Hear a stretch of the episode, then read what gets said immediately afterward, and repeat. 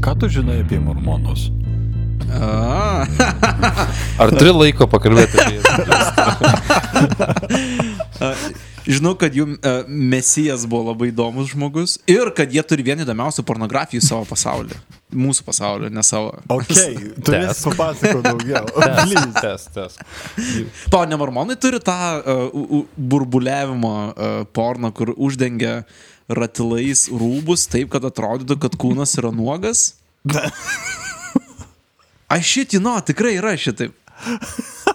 Čia kurio, kuriam sapne ar kurio tripo Fuck, metu tai einu- matei? Einu pasigūglinsiu. Jo, žinau, apie ką aš neki, bet ar, čia, ar tai vadinama mormonų porno? Aš manau, kad tik mormonai turi šitą dalyką. Uh, mormorno. Snap. O, net, Sveiki, įsijungę podcastą Proto Pemza. Laidą Katryra, kaip paskutinis iš girnų gramdomas kyfas. Su jumiem jau nebe iš šiaurės miestelio, ale vis dar iš Vilniaus, 140 km nuo Punsko sveikinasi sugėdinęs žvilgsnių bedugne Povilas. Sveiki. Ir vešliais ūsais likimo apdovanotas Vilius. labas. 1320 km nuo Punsko iš biurokratijos Mekkos Bruselio. Asmuo su neprikaištingu proto technikiniu Aivaras. Gesundheit. O iš Punsko, 0 km nuo Punsko sveikinuosi aš, vis smegenų negalintis išsibesdėt Tomas.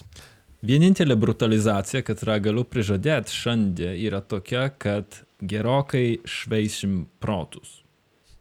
Iš absoliučiai niekur nieko paklausiu kolegos. Kam žmogui reikalingas ekstazės jausmas? Kodėl žmogus gali iš vis norėti išlipti pats iš savęs, pamest savo ego? Geras klausimas, Tom. Nes užknisa, užknisa savo galvoje gyventi nuolatos. O negali būti ekstazė koks nors, uh, žinai, kaip kai kurie jausmai atsiranda uh, kraštutinumų pavydal.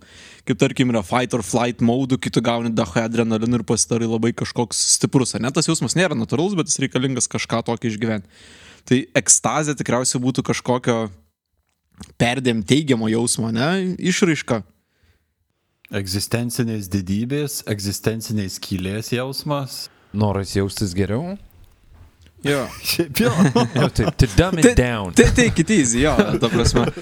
Man atrodo, kad šitas klausimas yra centrinis, norint atsakyti savo, kokioj visuomeniai mes gyvenam, arba kokia buvo visuomenė, kurią aptarinėjom duotų istorinių laikotarpių. Aš dar trečią pridėsiu. Kokios Lietuvos mes norėjom. Ir vis dar norim. Kalbėk už save. Šiandien šnekėsim apie tai, kokie galėjo būti mūsų protėviai. Kuom į mus panašus, o kum skirtingi, kaip atskaitos tašką imdami enteogenus, psichoaktyves substancijas ir narkotikus. Šnekėsim, kokias yra skirtumas tarp jų ir kas iš to. O, Įdomu, kokie rėmėjai būtų štai, e, šitam epizodui. Yra kažkoks, man rodos, su baltu uh, tais raštais ar muilas, ar, ar kažkokia tai kosmetikos linija, tai mano. Jo, ar čia, ar čia. Sponsored by Milda. Muilas kiekvienam gyvenimo atvejui. Nu, tai gali būti ir langų valiklis dar, žinai. Muilas kiekvienam gyvenimo atveju labai e, A? komplikuoja, jo, tokių netų panaudojimo būdų, kuriuos aš esu pratęs matyti. Jo, kur ir rankom dalyvauja. galima. Ai, ir rankom plan. O, nice. O reklama prasideda nuo to, kaip areštuoja žmogų. Got soap. Turiu tris žinias - gerą, blogą ir gerą. Gera tokia, kad surankiojau daugiau informacijos apie tam tikras substancijas pas baltus, nei telpa in epizodą. Bloga tokia, kad prieš nekėdami apie konkrečias medžiagas turim būtinai aptart bendresnį teorinį vaizdą. Bet gera žinia, toj teorinė dalis yra per daug įdomi, kad ją praleist. Ir manau per daug svarbi, kad eit in tokią sudėtingą temą be konteksto. Todėl Šiandienos epizode prašom itin didelio atidumo iš visų mūsų klausančių medikų, biochemikų, toksikologų, archeologų, alchemikų ir be abejo raganių. Labai lengva pasišikt su klaida, tai neteiskit, ale parašykit mumi, jei turit pataisymų. Arba patarimų. Jo, jo. Jeigu kas žino tą lengvą būdą, kaip pasigaminti, kaip, nežinau, ten ko nors, tai nesidravėkit. Muilo. Muilo, jo, jo, jo. Muilo, taip. Dėmesio, dėmesio. Absoliučiai nekalbiname vartoti svaigiųjų medžiagų. Nekalbiname veltis į ilgus priklausomybės pančius, anei sutikinėti šiai diskusijai medicininį ar juridinį statusą. Geriausiu atveju mūsų autoritetas leidžia būti išnaša gimtadienio kalbai ar įdomybę žiemos stavkės internetiniam ginčia. Klausykite atsakingai. Dar labai greitas žodis apie šaltinius. e, Šaltinių puslapis šiandienos epizode ypač ilgas, todėl paminėsiu tik tai pačius e, pagrindinius. Svarbiausias turbūt iš jų, kuris įkvepia daryti šitą epizodą, yra Terenso Makenos knyga Food of the Gods. Fuck Dievų yeah. maistas.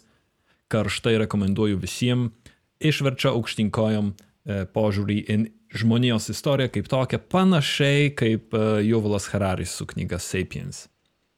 Taip pat dr. John Rush knyga Entheogens and the Development of Culture, Mircea Eliade knyga The Sacred and the Profane, bei Dalios Senvaitytės straipsnis Psichotropiniai augalai lietuvių tradicijoje.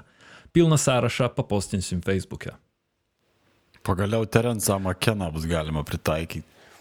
Visada taip skeptiškai žiūrėdavau jūs, kai jūs apie šitą užsivesdavot. Niekas nesako, kad jis yra teisus, bet Taip. Kartais neteisinga teorija gali privesti prie daug didesnio, didesnės pažangos moksle. Visiškai. taip. Ir mąstymę galų galę matėme pasaulio. Labai rekomenduotina. Povila, jeigu kada norėsi knygą skaityti, tai... Mm.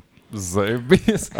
Jeigu kada norėsi knygą skaityti. ja, jeigu tiesiog bandysi žongliruočių tom kategorijom, tai... Ok, ok, aš pagalėsiu šiandien daugiau. Gal netyčia kada nors. Ir kada pataikysi į tą kalėjimą ir tikrai jau neturėsi ką veikti, tai paskaityk knygą. Jo, jo. Pirmas ir pats svarbiausias klausimas, į kurį turim atsakyti, yra, kas tai yra psichoaktyvios medžiagos, enteogenai ir narkotikai. Jis yra pats svarbiausias, be abejo, tolesnė šnekta turi tiek pat prasmės, kiek šluot žvyro kasyklą. Psichoaktyvios medžiagos pagal Pasaulio sveikatos organizaciją tai yra medžiagos, katros patekusios į organizmą paveikia mąstymo procesą. Psichoaktyvus nereiškia suke, sukeliantis priklausomybę. Šitai aibei priklauso alkoholis, tabakas, opiumas, heroinas, kava, arbata, kokainas, cukrus ir daug kitų. Nesukeliančios priklausomybės? Ar aš gerai supratau? Man rodos, nebūtinai sukeliančios, ne, kad nėra, gali sukelti, bet tai nėra apibrėžiantis bruožas šito, Mhm, kad... šitos substancijos. Būtent. Okay. Tarp kitko, ką apie cukrų sako Terensas McKenna. Piknaudžiavimas cukrumi yra mažiausiai diskutuojama ir labiausiai paplitusi priklausomybė pasaulyje. Ji taip pat viena sunkiausiai nutraukiamų. Kaip ir su visais stimulantais, pavartojus cukraus atsiranda trumpalaikis euforijos pliūpsnis, kurį po to pakeičia depresyvi būsena. Nekontroliuojamas cukraus vartojimas sukelia cheminę priklausomybę. Geras pointas dėl cukrų šitas, nes atsimenu, prieš 4-5 metus turėjau draugą, kuris labai nusprendė mesti uh, cukrų tiesiog su visam. Ir ten dažnai porindavo apie šitą dalyką. Ir man kažkaip nesikėdavo, kad cukrus yra taip visur, kiek jis yra. Ir atsimenu tą šoko būseną, kai pirkau faktin konservuotų burakėlių, man atrodo. Ir net ten yra Taip. cukrus, kurio kiekis prilygtų geriem trim šaukštam šimtą gramų. Kas yra Taip. nemažiau beveik negu koldai, tarkim, ne?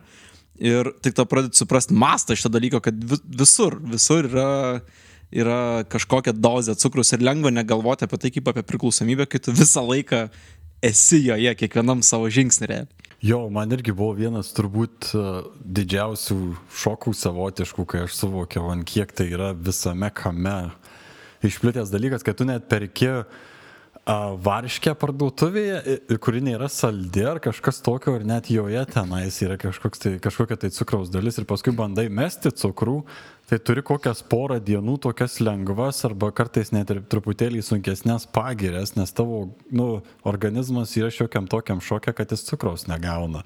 Tai Wow. tas wow yra.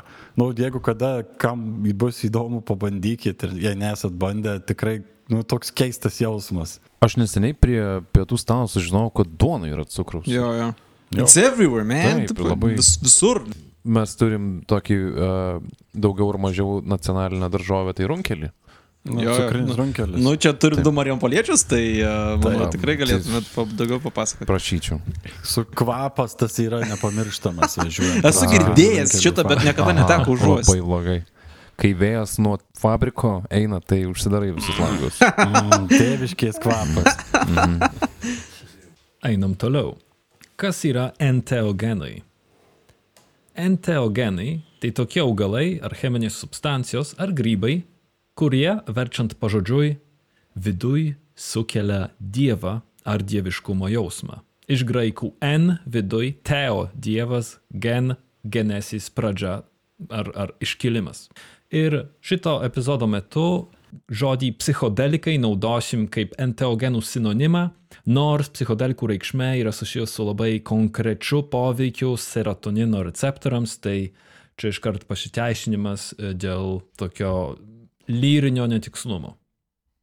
Enteogenai sukelia pakitusias sąmonės būklės, neretai vedančias prie religinių ar dvasinių patirčių. Arba, kitaip sakant, sukelia ekstazės jausmą. Enteogenų pavyzdžiai - LSD, DMT, psilocibinas, meskalinas ar ayahuasca. Ir, kaip išgirsit toliau, ne tik. O kur gaidys patenka? Gaidys yra toks e, mišrūnas, ant primaišyta viską. Ir tarkim, jeigu MDMA yra tas pure uh, MK, ne, kurią tu Taip. galėtum, uh, galėtum, ga... ai, pa, aš vėl mišaučiu. Ne, ten toks uh, kokaino pakaitalas, kuris ir pigesnis, ir jo efektas. Metamfetaminas yra jo pagrindas, ne, bet uh, turi savyje ir kitų kažkokių priemaišų. Tai Man atrodo, stimulantai kaip amfetaminas, jie nepatenka taip griežtai enteogenus, bet pati e, kategorija enteogenų nėra irgi tokia labai griežta. Yra tam tikrų nu, diskutuotinų dalykų. Pavyzdžiui, ar e, kanapės ar marihuaną galima laikyti enteogenų. E, jei nori, pokalbio rėmuose, prašom labai. Bet tai nėra farmakologinis gal apibrėžimas, taip griežtai sakant, tai nežinau, ar gaidys patenka, priklauso su kuo maišyta, ko ten pridėta.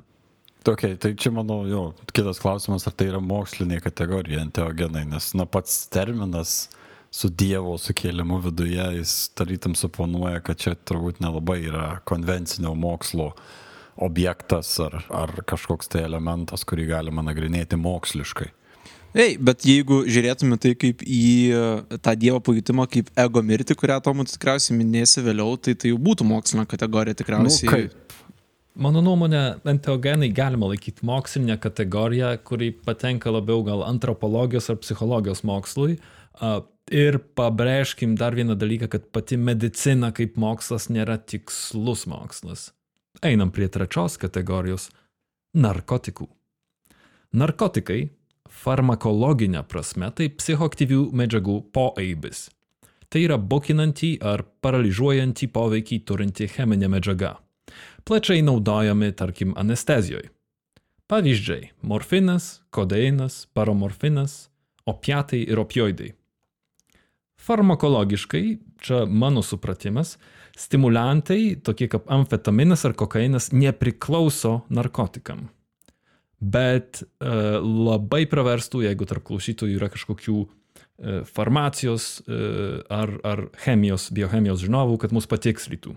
Tai sakai, Tomai, viena iš, iš savybių yra uh, bukinimas narkotiko, ne? Tai yra nuskausminantys, paralyžiuojantys chemikalai. Bet štai kur darosi įdomu. Ką žodis narkotikai reiškia politiškai? Politiškai šito žodžio prasme yra miglota. Už tai, kad nėra vieno aiškaus bruožo, którom galima būtų apibrėžti narkotinės medžiagas. Vienos stimuliuoja, kitos slopina, veikia skirtingus receptorius ir jų gavimo ar gamybos būdai labai įvairūs. Bet kažkokia prasme gi yra naudojamas šitas žodis, ar ne? Tai dažniausiai turima omeny draudžiamos psichoaktyvios medžiagos. Narkotikai tai, kas yra draudžiama. Ir kertinis akmuo, fundamentas šitam apibrėžimui ateina veikiausiai iš jungtinių tautų.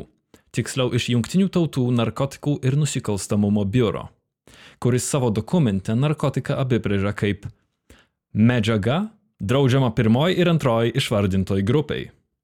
Visos medžiagos yra išvardintos, paskirstytos į grupės ir tiesiog pasako, narkotikai tai yra vat, pirma ir antra grupė. Cituojant juos, kasdienėje kalboje ir juridinė prasme šiuo terminu nepreciziškai turime omeny nelegalias medžiagas nepriklausomai nuo jų farmakologijos.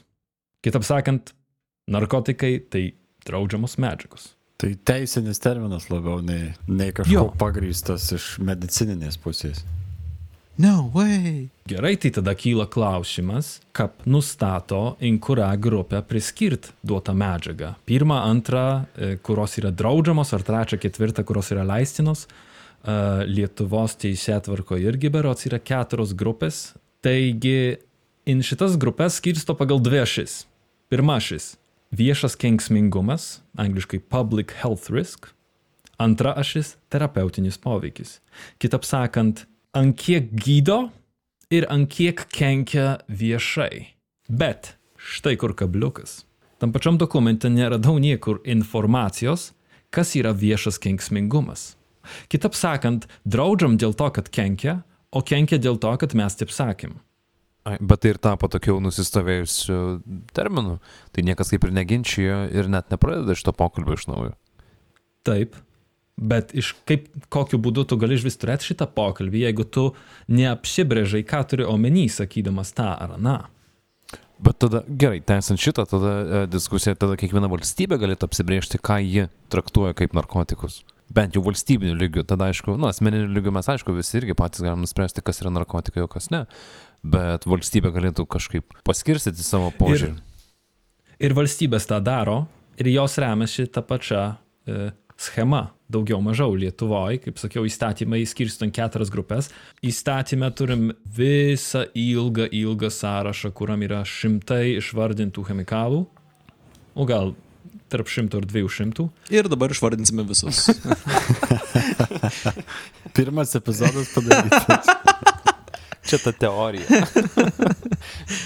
Ir kai kurie iš jų yra tokie ilgi ir komplikuoti, kad yra absoliučiai akivaizdu, kad yra įmanoma jas gauti tik tai sintetiniu būdu.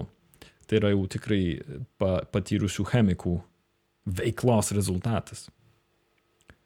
O tarkim, vat, ketvirta grupė gali būti naudojami medicinoje ir pavojingi, bet nėra draudžiami.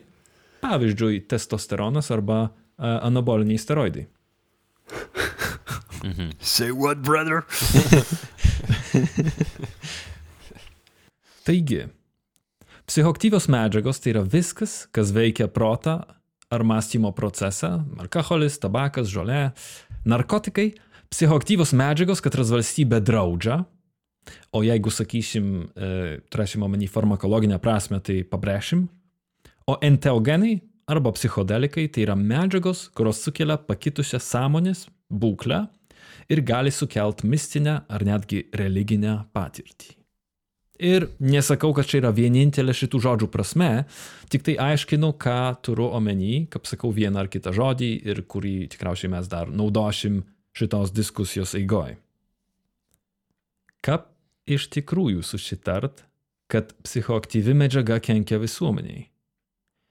Kad apie tai pašnekėt, turim suprast, dėl ko žmogus kaip rūšis, kaip gyvūnas apskritai vartoja.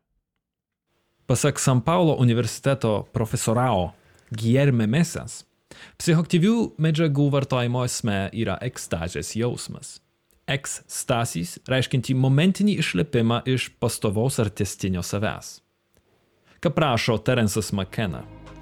Ekstatinė patirtis yra tuo pat metu bauginanti, jokinga, įspūdinga, pažįstama ir keista. Jis susijusi su mūsų ir su realybės esme. mūsų kalbomis ir mūsų savęs vaizdiniais. Ir, kas svarbu pabrėžti, ekstazė nėra vien tik psichodelikų funkcija. Vienas populiariausių istoriškai šnekant ekstazės metodų yra šokis ir maldos, vedančios prie transo būklės. Ir ekstazės jausmas siejasi su, kaip jau minėjom, ego mirtim. Ego mirtis tai apskritai yra gana ginčiamas terminas neretai, bet jisai pasitaiko na, įvairiausiose disciplinuose. Jeigu mes žiūrėsim į religijos studijas, na, tai ten ir, ir kuomet kalba, pavyzdžiui, apie budistus, man atrodo, netgi ir musulmonai turėjo terminą tam tikrą, kuris buvo kaip ir atitikmuo ego mirties, kuris nurodė būtent į, tai, į tą savo asmeninės kažkokios savasties sunaikinimą savotišką, tai būtent į tai ego mirtis ir nurodo. Ir galiausiai, na, šalia religijos čia pasijungė vėliau ir tas pats Karlas Gustavas Jungas, vienas žymiausių, kaip žinote, psichoanalitikų, kuris labai daug irgi domėjosi rytiečių religijomis ir jis taip pat labai daug koncentravosi į tai, bet galiausiai visą tai perėjo netgi į mito studijų lygmenį, kur berots Jonas Campbellas, vienas tokių garsesnių a, mitų ir mitologijos tyrinėtojų, netgi buvo iškėlęs tokią a, visai, kad žmonės na, pa, tuos pačius mitus skaito, ne tik tai, kad ten kažką sužinoti religiško ar sužinoti kažką apie pasaulį, bet norėdami patirti tam tikrą ekstazijos formą. Tai yra tam tikra dieviškumo galbūt netgi forma. Tai, na, pati ego mirtis kaip reiškinys, jisai kalbant iš tų tokių sąmonės lėpinių perspektyvos, tai tai turbūt yra viena įdomiausių, vienas įdomiausių fenomenų, kurio tik tai galima imtis. Ir aš manau, kad čia daug psichoanalitikų galėtų papasakoti labai įdomių dalykų. Tas stereotipinis apibūdinimas, kai uh, jauti vienį su viskuo aplink, ne? Ir tokį gal mažesnį savęs supratimą, ar bent jau dinkstantį savęs supratimą tikriausiai nebuvo pasiektas tokias aukštumas, kiek žmonės gali tą padaryti. Bet konceptualiai supras, kas yra turimo omeny, kai minimas terminas ego mirtis, manau, uh, lengviau kur kas išeina, kai tu esi, na, turėjęs tą close encounter su, su visų įvykiu. Ir žinau, kad tai skamba neįtikėtinai vaikiškai. Kai kas nors man sako šitą dalyką, tai skamba vaikiškai kažkaip. Bet labai sunku kitaip jį apibūdinti negu ateinantį tik per patirtį. Sufakapino, nes ten Josefas Campbellas buvo, šnekėjau ir minėjau kelis kartus vardą, kuris yra Josefas, o ne Jonas Berots. Jeigu kažkas yra patyręs kada nors sapną, kuriame tarytum išeina iš savo kūno ir, ir mato, pavyzdžiui, save sapne ir tuo pačiu supranta, kad yra už savęs ribų, tarytum nebėra susitapatinęs jau su savimi, tai man pačiam, kai aš bandau e, kažkaip tai apsibriežti, kas tai yra, kartais atrodo, kad čia yra į tą pusę einama, bet ir vėl turbūt kiekvienam labai individualu yra kiek man ir pačiam teko bandyti, tai tai gali nuvesti prie gana tokio širp, gana širpios patirties miegant. Tai būtent va, tas pojūtis, kad tu kaip ir esi sapne, bet tu nieko negali padaryti ir dar prie viso to, tu, pavyzdžiui, matai savo lavoną prieš save esantį ir tu nežinai, kas tu pats esi. Jo, bet tu kalbėjai apie tokią neigiamą, atrodo, pusę šitų a, potyrių. Man atrodo, ego mirtis nebūtinai turi turėti neigiamą konotaciją. Aš ne, ne, ne, neteigiu, kad tai turi būti būtinai neigiama. Lygiai taip pat aš nemanau, kad ir ekstazija gali būti sulyginama tik tai su pozityviu jausmu, arba su malonumu, arba su kažkokiu tai tik tai gerą, su geru asocijuojamu jausmu. Čia yra taip, kaip akli žmonės dabar diskutuotų apie spalvas, nes tai yra toks mhm. subjektyvus grinai dalykas turbūt reiktų iš vis dar paminėti, kas tas ego yra, kad šnekėt apie ego mirtį. Gal patikslysit, bet mano supratimu, ego tai yra ta mano aš dalis, kuri galvoja, kad ji yra vienintelė. Taip, vientisa, neprieštaringa, samoninga. Jo, sąmonės iliuzija yra ego. Tai, ką mes manom patiriant dabar. Ir tada staiga dinksta ta dalis niekas niekada nebuvo minėjęs to tokio vat, uh, staigaus perėjimo iš yra į nėra, gal labiau kaip kažkokį procesą, link kurio tu eini. Ir manau, nereikia net pasiekti ego mirties, kad suprastum, ką tai reiškia, bent užčiuopti, ne? Manau, kad įsivaizduot, kaip tai galėtų jaustis, gali bandyti. Bet tai, kad tu pritemptum taip jau gan normaliai, kas tai iš tikrųjų yra, tai, nu, tikrai, nu, nėra įmanoma. Vien iš pasakojimo, kas tai yra. Galų gale, nu, įvairios turbūt tradicijos ir kultūros skirtingai įsivaizduoja prieimą prie šito. Galų gale nuimti ir tą patį budizmą, kurio ten galutinis tikslas yra buvimas tuštumoje, aš kaip suprantu. O ne Tai- dabartyje yra tikslas būti like forever dabar. Tu, Nu, nežinau, aš tikrai nesu, nesu specialistas tų dalykų. Tas, nu, nežinau, kur tai gali būti, vat, ar, ar šalia ten tų meditacinių praktikų, ar, ar kažkokių tai stiprių narkotinių praktikų, ar e, psichodelinių praktikų. Vat, nežinau, kas dar gali tą suteikti. Meditacija, šokis, transo būklė. Dainos irgi. Manau, manau geram koncerte visai netokie maži šansai ištirpt minioj. Geriausias jausmas, kokį esu patyręs, buvo toks totalus dėkingumas. Būtent dėkingumas yra uh, tas aukščiausias taškas, kurį galėjau tikriausiai pasiekti tuo metu ir buvo kažkas visiškai neįtikėtino. Only good vibes. Bet jūs kalbate apie tokią, tokį malonės, dėkingumo jausmą. Viskas, ką įvardyjai, kad aš toks, nu, jaučiuosi ir dėkingas, ir malonus, ir geras kitiem, ir aš tiesiog palaimingas, kad aš apskritai esu ir kad nėra tokių blogų. Aš atleidžiu žmonėm už dalykus, taip toliau. Atrodo, kaip, nu, tu, aš, aš geras krikščionis. Gal geriausiai apibrėžtų kaip didelės pagarbos bet kokiai gyvybei būklei. Jo, jo. Jo. Manau, mes apie labai panašius išgyvenimus kalbam turėtus mm. po, po, po, tų pačių, uh, po, po, po tų pačių dalykų. Pasakyti, kad psichoaktyvios medžiagos buvo naudojamos religiniam, medicininiam ir rekreaciniam tikslam, yra tas pats, kas pasakyti, kad peilis naudojamas pjaut arba durt. Klausimas, dėl ko apskritai sugalvojo peilį ir ką tai sako apie visuomenę, kad rai reikia peilio. Enteogenų funkcija visuomeniai tai saliginai mažai tyrinėtas rytis. Tikra magistrinių darbų temų kasykla antropologam, sociologam, psichologam, apie alchemikus net nešnekant. Remiantis antropologijos mokslų daktaru John Rush, siūlomi du paaiškinimai, dėl ko žmogus vartoja psichoaktyves medžiagas. Pirma teorija, vadykim ją sociologinę. Šitas modelis sako, kad psichoaktyvių medžiagų vartojimą aiškina du elementai. Vienas toks vidinis, tai yra žmogaus natūralus polinkis svaigintis - genai. Antras elementas - išorinės sąlygos, kurios veikia tą žmogų, tai yra sąlygos, kurios gali kabutėse aktyvuoti tą polinkį. Iš natūralios blaivios būklės gali mus išmušti išorės sąlygos, pavyzdžiui, socialiniai ryšiai, liūdna vaikystė, draugų spaudimas iš vis ar ta medžiaga yra prieinama. Kitaip sakant, vartojimas prilyginamas diagnozijai, kad rai vaistai, pakeisti sąlygas ir eliminuoti vartotiną substanciją. Pagal šį modelį priklausomybės problema tai žmogaus valios problema. Žmogaus silpna valia yra tikrasis priešas, kurį veikti galima anoniminių alkoholikų, tikėjimo Jėzumi ar geresnės mytybos pagalba. Tokia pozicija yra moralizuojanti, jis savyje turi mechanizmą, draudžiantį kvestionuoti dominuojantį naratyvą. Taigi, kokias yra antras modelis? Vadykime jį evoliuciniu. Šitas modelis kalba apie mus kaip rūšies glaudų istorinį ryšį su psichoaktyviom medžiagom. Pasak jo, pirmykščiai žmonės valgė bet ką, kas tik pamaitindavo. Ką sumedžioji, surenki ir randi. Tokiu būdu suvartodavo įvairių poveikį turinčių medžiagų. Kai kurios nuskausmindavo, kitos išvalydavo nuo parazitų, trečios išgydydavo žaizdas, malšindavo alkį, stimuliavo ar slopino. Tarp jų pasitaikydavo ir enteogeninį poveikį turinčių medžiagų.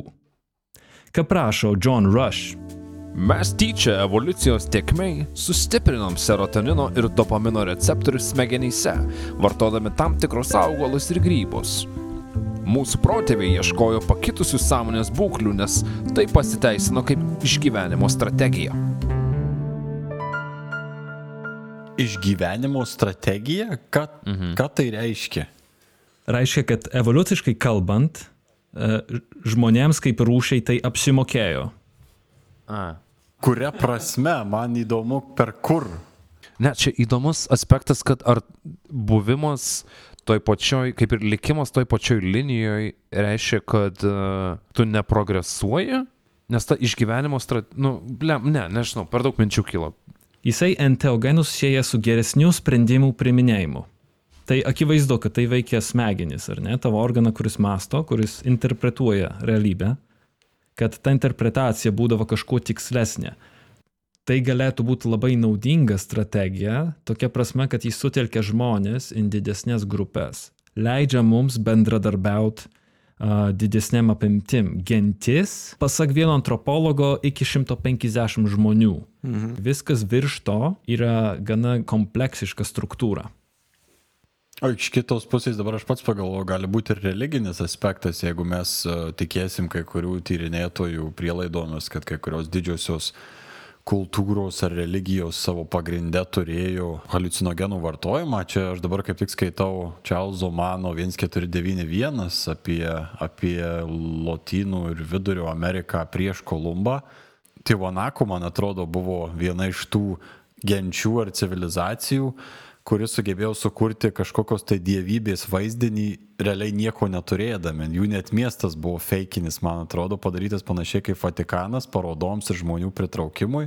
Tačiau su juo einantys religiniai vaizdiniai buvo antiek stiprus, kad, kad uh, sugebėjo kažkaip žmonės sutelkti ir leisti jiems kartu, nežinau, padėti vieni kitiem ar ne. Aš nežinau, čia turbūt nesąmonė, bet gal, gal irgi vienas aspektų, bet čia pačiam dabar šovė. Nu, jiem tai ne nesąmonė. Kai mes dabar kalbam, atrodo, kad esam šiek tiek įkalinti tokio racionalaus proto rėmose, ne? nes pabandykime įsivaizduoti situaciją arba sąlygas, kuriuose uh, gyveno koks nors priešistorinis žmogus ir vienas jų turi galimybę skirti šešias valandas totaliam atsipaldavimo, kitas šešias valandas turi neužmigti, kol galvos, kad kardadantis tigras perkas jam galvą, ne? Taip. Man čia kilo tada klausimas, ar tu gali va, tuos halucinogenus vadinti atsipalaidavimo formą. Blemba, jeigu tu paėmė jau askaus, tu apsišykė, apsitriedi ir myrišti tenais penkis kartus ir galvoji, kad yra 20 kardadančių tigrų, kurie tavo Aš manau, kad tarkim seno žmogaus, per, tai yra senovės žmogaus patyrime, apsišyk 20 kartų buvo kaina trečiadienis, nes tu nes valgiai neaišku ką ir neaišku kaip. Bet čia irgi, farfetch, nes manau, kad tiek žmonės be ir tiek su būtų išlikę ir išliko, ne? Bet tai tikriausiai prideda kažko prie realybės, brutalios realybės, tikriausiai patyrimo arba būdą pabėgti tam pačiam, kam mes ir dabar naudojam visas Nu, šitos. taip. Senovinis trečiadienis yra netremiamas argumentas. Bet aš tuo pačiu gal net noriu pasiginčyti truputį, kad man dėl kažkokių priežasčių senoviai tokių dalykų vartojimas labiau atrodo kaip ritualinis e, kažkoks e, ritualinė priemonė, o ne atsipalaidavimo e, proga. Bet ar mm. nėra tai, kad mes tą priemonę, tai priemoniai apvilkom naują rūbą tiesiog? Aš manyčiau, kad ne, nes a, mes patys turim savo susikurtą tam tikrą negatyvę nuostatą prieš ritualinės apygas kaip kažkokį darbą, kuris a, nesuteikia malonumo. Tikriausiai psichodelinės kažkokios medžiagas galėtų lydėti na, atsipalaiduojamąjį ritualą, kuris nebūtinai turi tapti kažkuo tokiu. Tarkime, mėnesinis senovinis trečiadienis, kuriame vis, visi prisišika kelnes. Nu, tipo, kad tai yra realybės dalis. Taip, uh, tai buvo ypatinga proga. Tai buvo Taip, kažkas, taip, kam tu ruošiais, nes, na, pav- pavyzdžiui, ajawaskos ritualui tau reikia ten pusę mėnesio ar mėnesį net seksu užsiminėti tu negali. Ką jau kalbėti apie kavos, arbatos gėrimą, mėsos valgymą ir taip toliau ir panašiai. Man tiesiog vat, įdomu, ar tai galima laikyti tokio atsipalaidavimo momentu. Galbūt tai iš tiesų buvo kažkas, kas vykdavo daug rečiau nei mums atrodo. Galbūt tai nebuvo kas mėnesinis apsišykimo trečiadienis. Same. Jo, a, Kodėl staiga šitas e, klausimas buvo sujungtas su apsišykimo klausimu? praleidai gal. gal šitą dar.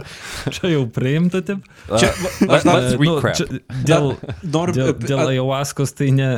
Dėl ayahuascos nėra iš karto taip net drastiška, ten, ten gal šiek tiek e, kitaip, bent jau kiek man teko susidurt, bet tai, kad mes turim ritualą, jo funkcija galioja nepriklausomai nuo to, ar jis yra malonus ar ne. Nu jo, yra, yra racijos truputį tame. Džono Rašo idėja yra kad smegenų reakcija į enteogenus tai yra pakitus sąmonės būklė sėkminga išgyvenimo strategija. Jis sako, kad žmogus evoliuciškai susidūrė su psichodelinėm medžiagom gana seniai ir kūnas spėjo prie jų kažkiek prisitaikyti. Terenso Makenos citata. Nestatiškas, bet dinamiškas žmogaus santykis su halucinogeniniais grybais iškeldavo mūsų vyvis aukštesnį ir aukštesnį kultūrinį bei individualų samoningumo lygį. Tikiu, kad jų vartojimas Afrikos lygumose davė mums visų vėlesnių religijų modelį ir kaip po ilgų užmaršties, migracijos ir klimato kaitos amžių ši išmintis buvo prarasta, mes iškeitėme bendradarbiavimą į dominavimą, harmoniją su gamta į jos prievartavimą, poeziją į mokslo sofizmą.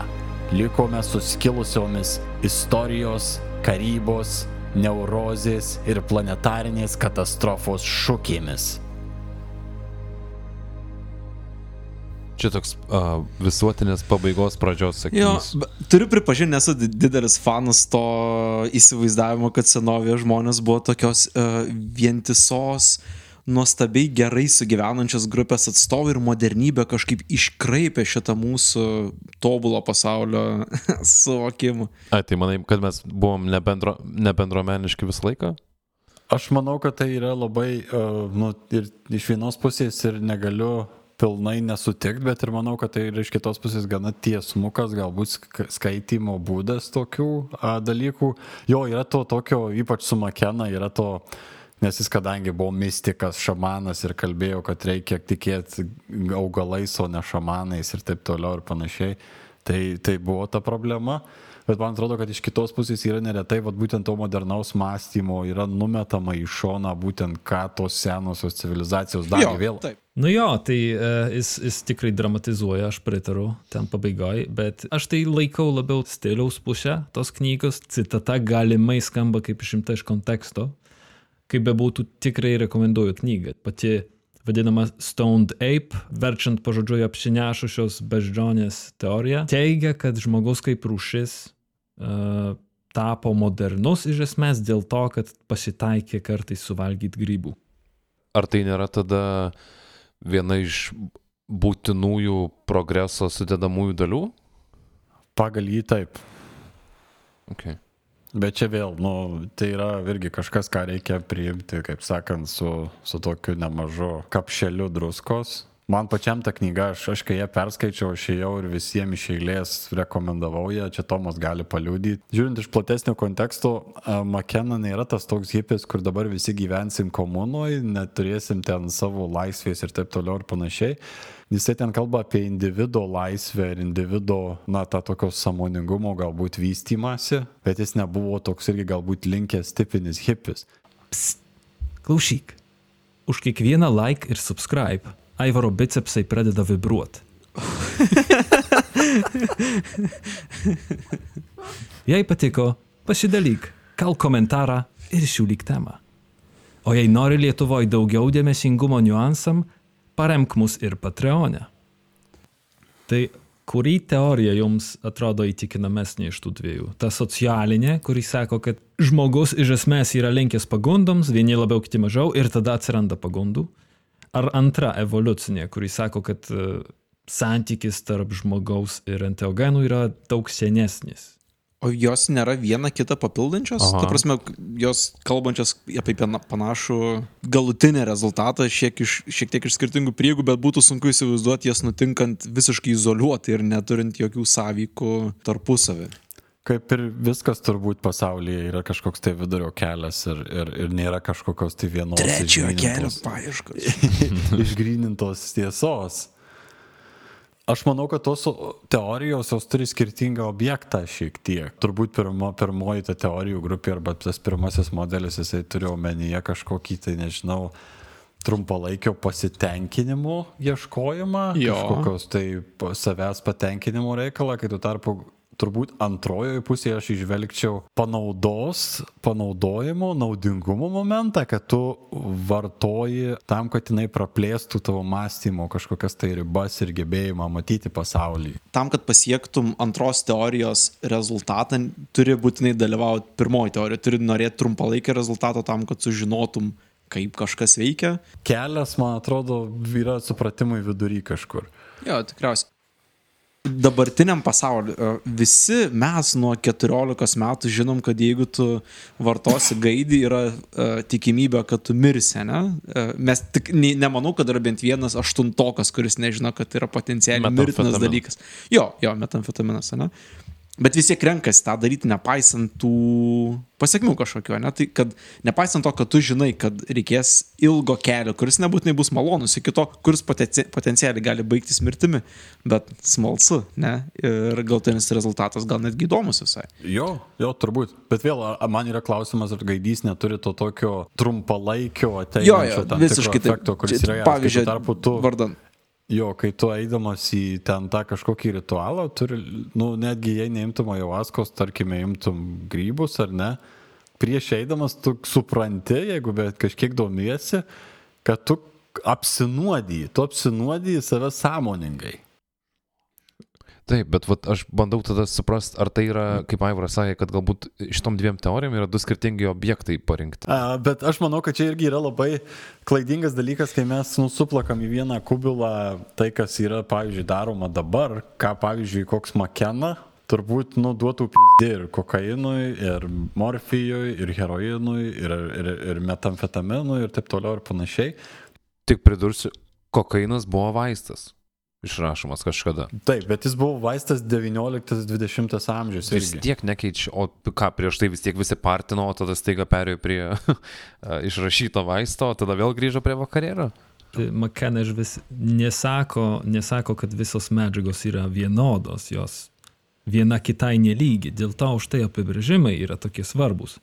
McKenna kreipia dėmesį pagal tai, ant kiek žmogus yra pripratęs metabolizuoti tą medžiagą. Man atrodo, kad yra, nu, aiškiai gana skirtis tarp tų iš natūraliai išeinančių medžiagų, nu, tarkim, randamų gamtoje, jeigu galima tai pavadinti, ir kas yra, nu, sintezuojama, kaip su tuo pačiu kokainu blemba, kuris ten su benzinu yra daromas vos ne. Tai yra, nu, didelis skirtumas. Bet prieš praeidami prie Lietuvos e, konkrečių enteogenų turim apsiginkluoti paskutiniu įrankiu. Atsakymu į klausimą, kaip ekstazė veikia visuomenę.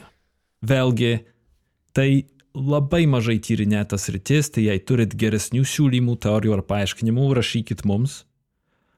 Istoriškai ekstazė vaidino fundamentalų vaidmenį visuomeniai. Fundamentalų nes ant jo buvo pastatyta jos pasaulyje žiūra ir ideologija. Kaip rašo religijotyrininkas ir šamanologas, nežinau tiksliai kaip skaitusi jo pavardę, Mircea Eliade, Ekstatinė patirtis nepriklauso konkrečiam istoriniam laikotarpiui ar specifiniai civilizacijai. Tai yra fundamentali žmogaus būklė. Paskirose visuomenėse skiriasi tik jos interpretacija ir vertinimas. Pasak jo, ekstazė padėdavo žmonėjai bendrauti su nepažįstamu, rasti atsakymus apie savo vietą visadoj, suteikdavo pagrindus mitologijai ir naratyvui. Tai reiškia, kad enteogenai tarpininkavo komunikacijoje su nepažįstamom sritim. Buvo savotiškas įrankis susijęs žmonės kartu. Iš individų grupės padaryti visuomenę. Cituojant Shauna Miller iš Southern Cross universiteto, Enteogenai susiję žmonės su savo protėviais ir formuoja bendruomenę, kuriant bendrą įsitikinimų sistemą ir ypatingas sąmonės būklių patirtis. taigi iš kitos pusės, enteogenai padeda žmonėm vienodai suprast realybę. Ir aš jau matau, kaip akim sakot, nu gerai, Tomai, ale visuomenė prieš 200 ar 2000 metų skyrėsi nuo dabartinės. Jie tikėjo, kad bebras yra žuvis, saulė sukasi aplink žemę, o menstruojančios moterys skatina pieno produktų fermentaciją. Ale, kaip katrie dalykai nesikeičia. Eliadė nuomonė, sekuliarioj visuomeniai nei mitai, nei religinis ar magiškas mąstymas niekur nedingo. Ištisos knygos galėtų būti parašytos apie šiuolaikinio žmogaus mitus ar mitologijas, užslėptas po teatro spektaklių ar skaitomų knygų šydų. Kinas, vadinamas sapnų fabriku, naudoja begalę mitinių motyvų - kovą tarp herojus ir pabaisos, iniciaciją, išbandymus, paradigminius veikėjus ir vaizdinius. Netgi skaitimas turi savy tam tikras mitologinės funkcijas. Ne tik dėl to, kad perpasakoja mitologinius motyvus, bet ir dėl to, kad padeda žmogui pabėgti už laiko ribų, atsirasti akimirkai kitokio pasaulio ribose. Graži sąsaja tarp uh, tokių vos ne kaip medijos formų ir, ir šiaip šaltinių, kad tu gali ir skaityti, ir žiūrėti. Ir turbūt tavo mintis yra pagrindinė priemonė šitoj situacijoje, šitam uh, substancijų naudojime ir visur. Man tai apskritai yra įdomus tas susijimas ekstazės, tų medžiagų vartojimo su mitologija ir mitologinių kažkokių tai figūrų patyrimu, pamatymu ar, ar kažkokiu tai supratimu gilesniu nei įprasta turbūt. Man vat būtent su Josefu Campbellu šitas kaip ir visai kalba, kad žmonės nori pasijusti gyvi. Ir ekstazija yra būtent vienas tų būdų, tai netgi per mitą yra kažkokiu būdu to siekiama. Ir, ir na, vat būtent jeigu žiūri į tas senuosius aprašymus visų narkotinių, netgi patirčių, man čia dabar prisimena opijaus mėgėjo išpažintis, man atrodo, kuris buvo neseniai išleistas į lietuvių kalbą irgi. Tai net ir ten yra kalbama, kai, na, tas rašytojas, jisai kalba apie savo patirtis vartojant heroiną, jisai irgi labai dažnai mėgo apeliuoti į tą tokį kalbėjimą apie tai, kad jis pasijunta tarytum tarp dievų, dievų gretose, lyg kalbėtųsi su jais nebyliai ir ar kažkaip tai kitaip, matydamas, na, figūras, niekada kažkaip mitologijos nebūčiau siejęs su narkotikų vartojimu. Campbello viena gražesnių idėjų buvo, kur tu minėjai Aivarai apie norą gyventi vietoj noro ten patirti kažkokią ekstazę ir ten, man ros, buvo tiksliai bandoma apeliuoti į norą gyventi dabar. Tam, kad tu mhm. suprastum, kad ta amžinybė nėra pomirtinio kažkokio gyvenimo um, siekimybė, bet tai, ką tu patiri dabar. Įdomus, įdomi mintis gyvenant civilizacijoje, kuri pastatyta ant pamato, kad gyventi reikia po to, kai tu mirsi. Realiai. Ne, kad, Taip, taip, taip. Tai jo, visai jo. keičia visą šitą motyvą, kuriame mes esam pratę galvoti. Ir iš kitos pusės sup, supranti visą New Age filosofijos turbūt jo. potraukį žmonėm kai kuriem, a, populiarumo to tą išaugimą savo laiku, nes buvo būtent skatinama eiti nuo tokio požiūrio taip, į, į gyvenimą taip. ir pasaulį. Kai pas mus realiai iki šių dienų turbūt dominuoja du poliai. Vienas yra val, būtent tas nuolatinis planavimas, kitas yra, sakyčiau, netgi toks visiškas užsiciklinimas praeitie. Nes reikia prikelti, kas buvo praeitie, nes tik praeitie buvo gerai. Dabar viskas yra blogai, viskas yra korumpuota ir taip toliau ir panašiai. Tai man atrodo jo, kad šitie kartais yeah. net ir ne visai teisingai kalbantys, o kaip ir Makenai, jie skatina galbūt atsiplėšti nuo abiejų šitų polių ir ieškoti kažkokio būdo, nu, gyventi. mitologinis motyvas, jisai e, ateina iš klausimo, iš kur yra pasąmonė. Ar pasąmonė tai yra kažkas, ką žmo, pas žmogų ateina iš išorės, ar tai yra kažkas vidinio. Daugelis žmonių psichonautinių kelionių metu, vadikim tai, mato tuos pačius dalykus. Kad labai sudėtinga yra paaiškinti, kodėl vienas žmogus, e, kuris turi kažkokią tai patirtį, mato lygiai tuos pačius dalykus kaip kitas žmogus. Jo. Man visas tas mitologinis um, naratyvas, ypatingai vat, substancijų vartojimo kažkokiam, kalbant iš pusės, kodėl, tarkim, dabar mes taip domės 20-21 amžiuje šitais dalykais, atrodo, kaip būtų kažkoks paskutinis magiško pasaulio elementas, kurį mes dar galim palies, tiesiogiai mm. palies, ne kažkokiu būdu būti arti to visiškai nepaaiškinamo uh, racionalių mokslų motyvo. Mes bandom tą paaiškinti per psichologiją ir Taip. per, per visokius kitus įmanomus mokslus, bet MRI fotkė, kaip tavo smegenys reaguoja į tam tikrą substanciją, toli gražu nėra tai, ką patiria tas žmogus, kurios smegenys fotkina. Nuo teorijos, su katra aiškysim narkotikų vartojimą, priklauso visas pasiekmių kompleksas. Teisėtvarka, ekonominė sistema, kultūrinės normos, visuomenės sveikata ir bendras laimės lygis pas žmonės. Ar psichoaktyvi medžiaga daro žmogų antisocialiu, žaloja jį kaip naudingą visuomenės narį? Žodžiu, ar kenkia? Priklauso ne nuo pačios medžiagos, o gal visų pirma ne nuo jos, bet nuo aplinkos ir konteksto, kurio jį vartojama. Aišku, yra medicinos ar mokslo tikslai ir nors ten yra daug komplikuotų klausimų ir techninių niuansų, tai bent jau galima lengvai formuluoti tikslus. Arba pacientui fiziškai pagerėja, arba ne. Politiniai ar teisiniai sferoje yra daug sudėtingiau. Bet mes nebūtum proto pemza, jei nepasiūlytum gilesnio požiūrio taško. Ir jisai yra tokis. Kam žmogui reikalinga ekstazė? Kokia jam iš to nauda? Kokiais būdais jį pasiekiama?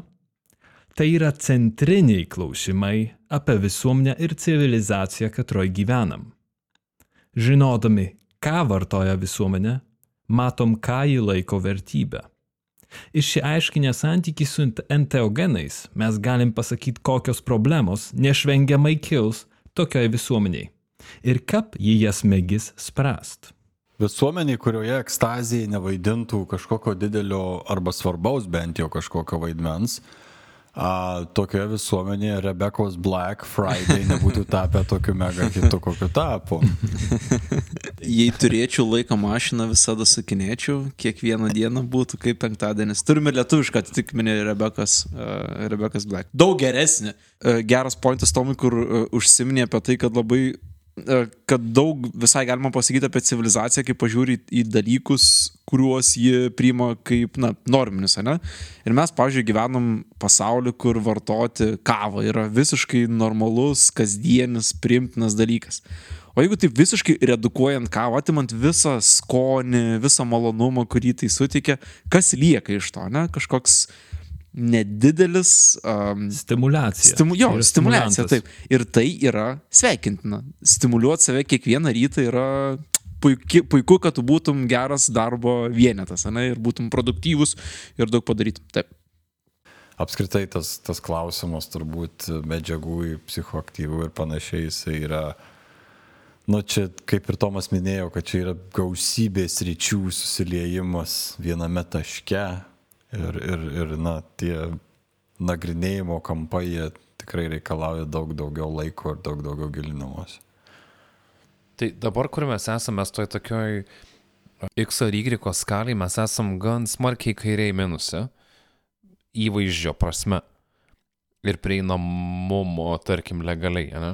Tai aš nežinau, ar aš norėčiau, kad mes taip kiltume smarkiai į dešinę ir į pliusą, kad tai tiesiog būtų available visą laiką ir kad žmonės galėtų bet kada tai gauti ir pagal tai grįsti savo kažkokius naujus atradimus arba naujus supratimus ir tapti kažkokiais geresniais visuomenės atstovais. Nenorėtum šitą.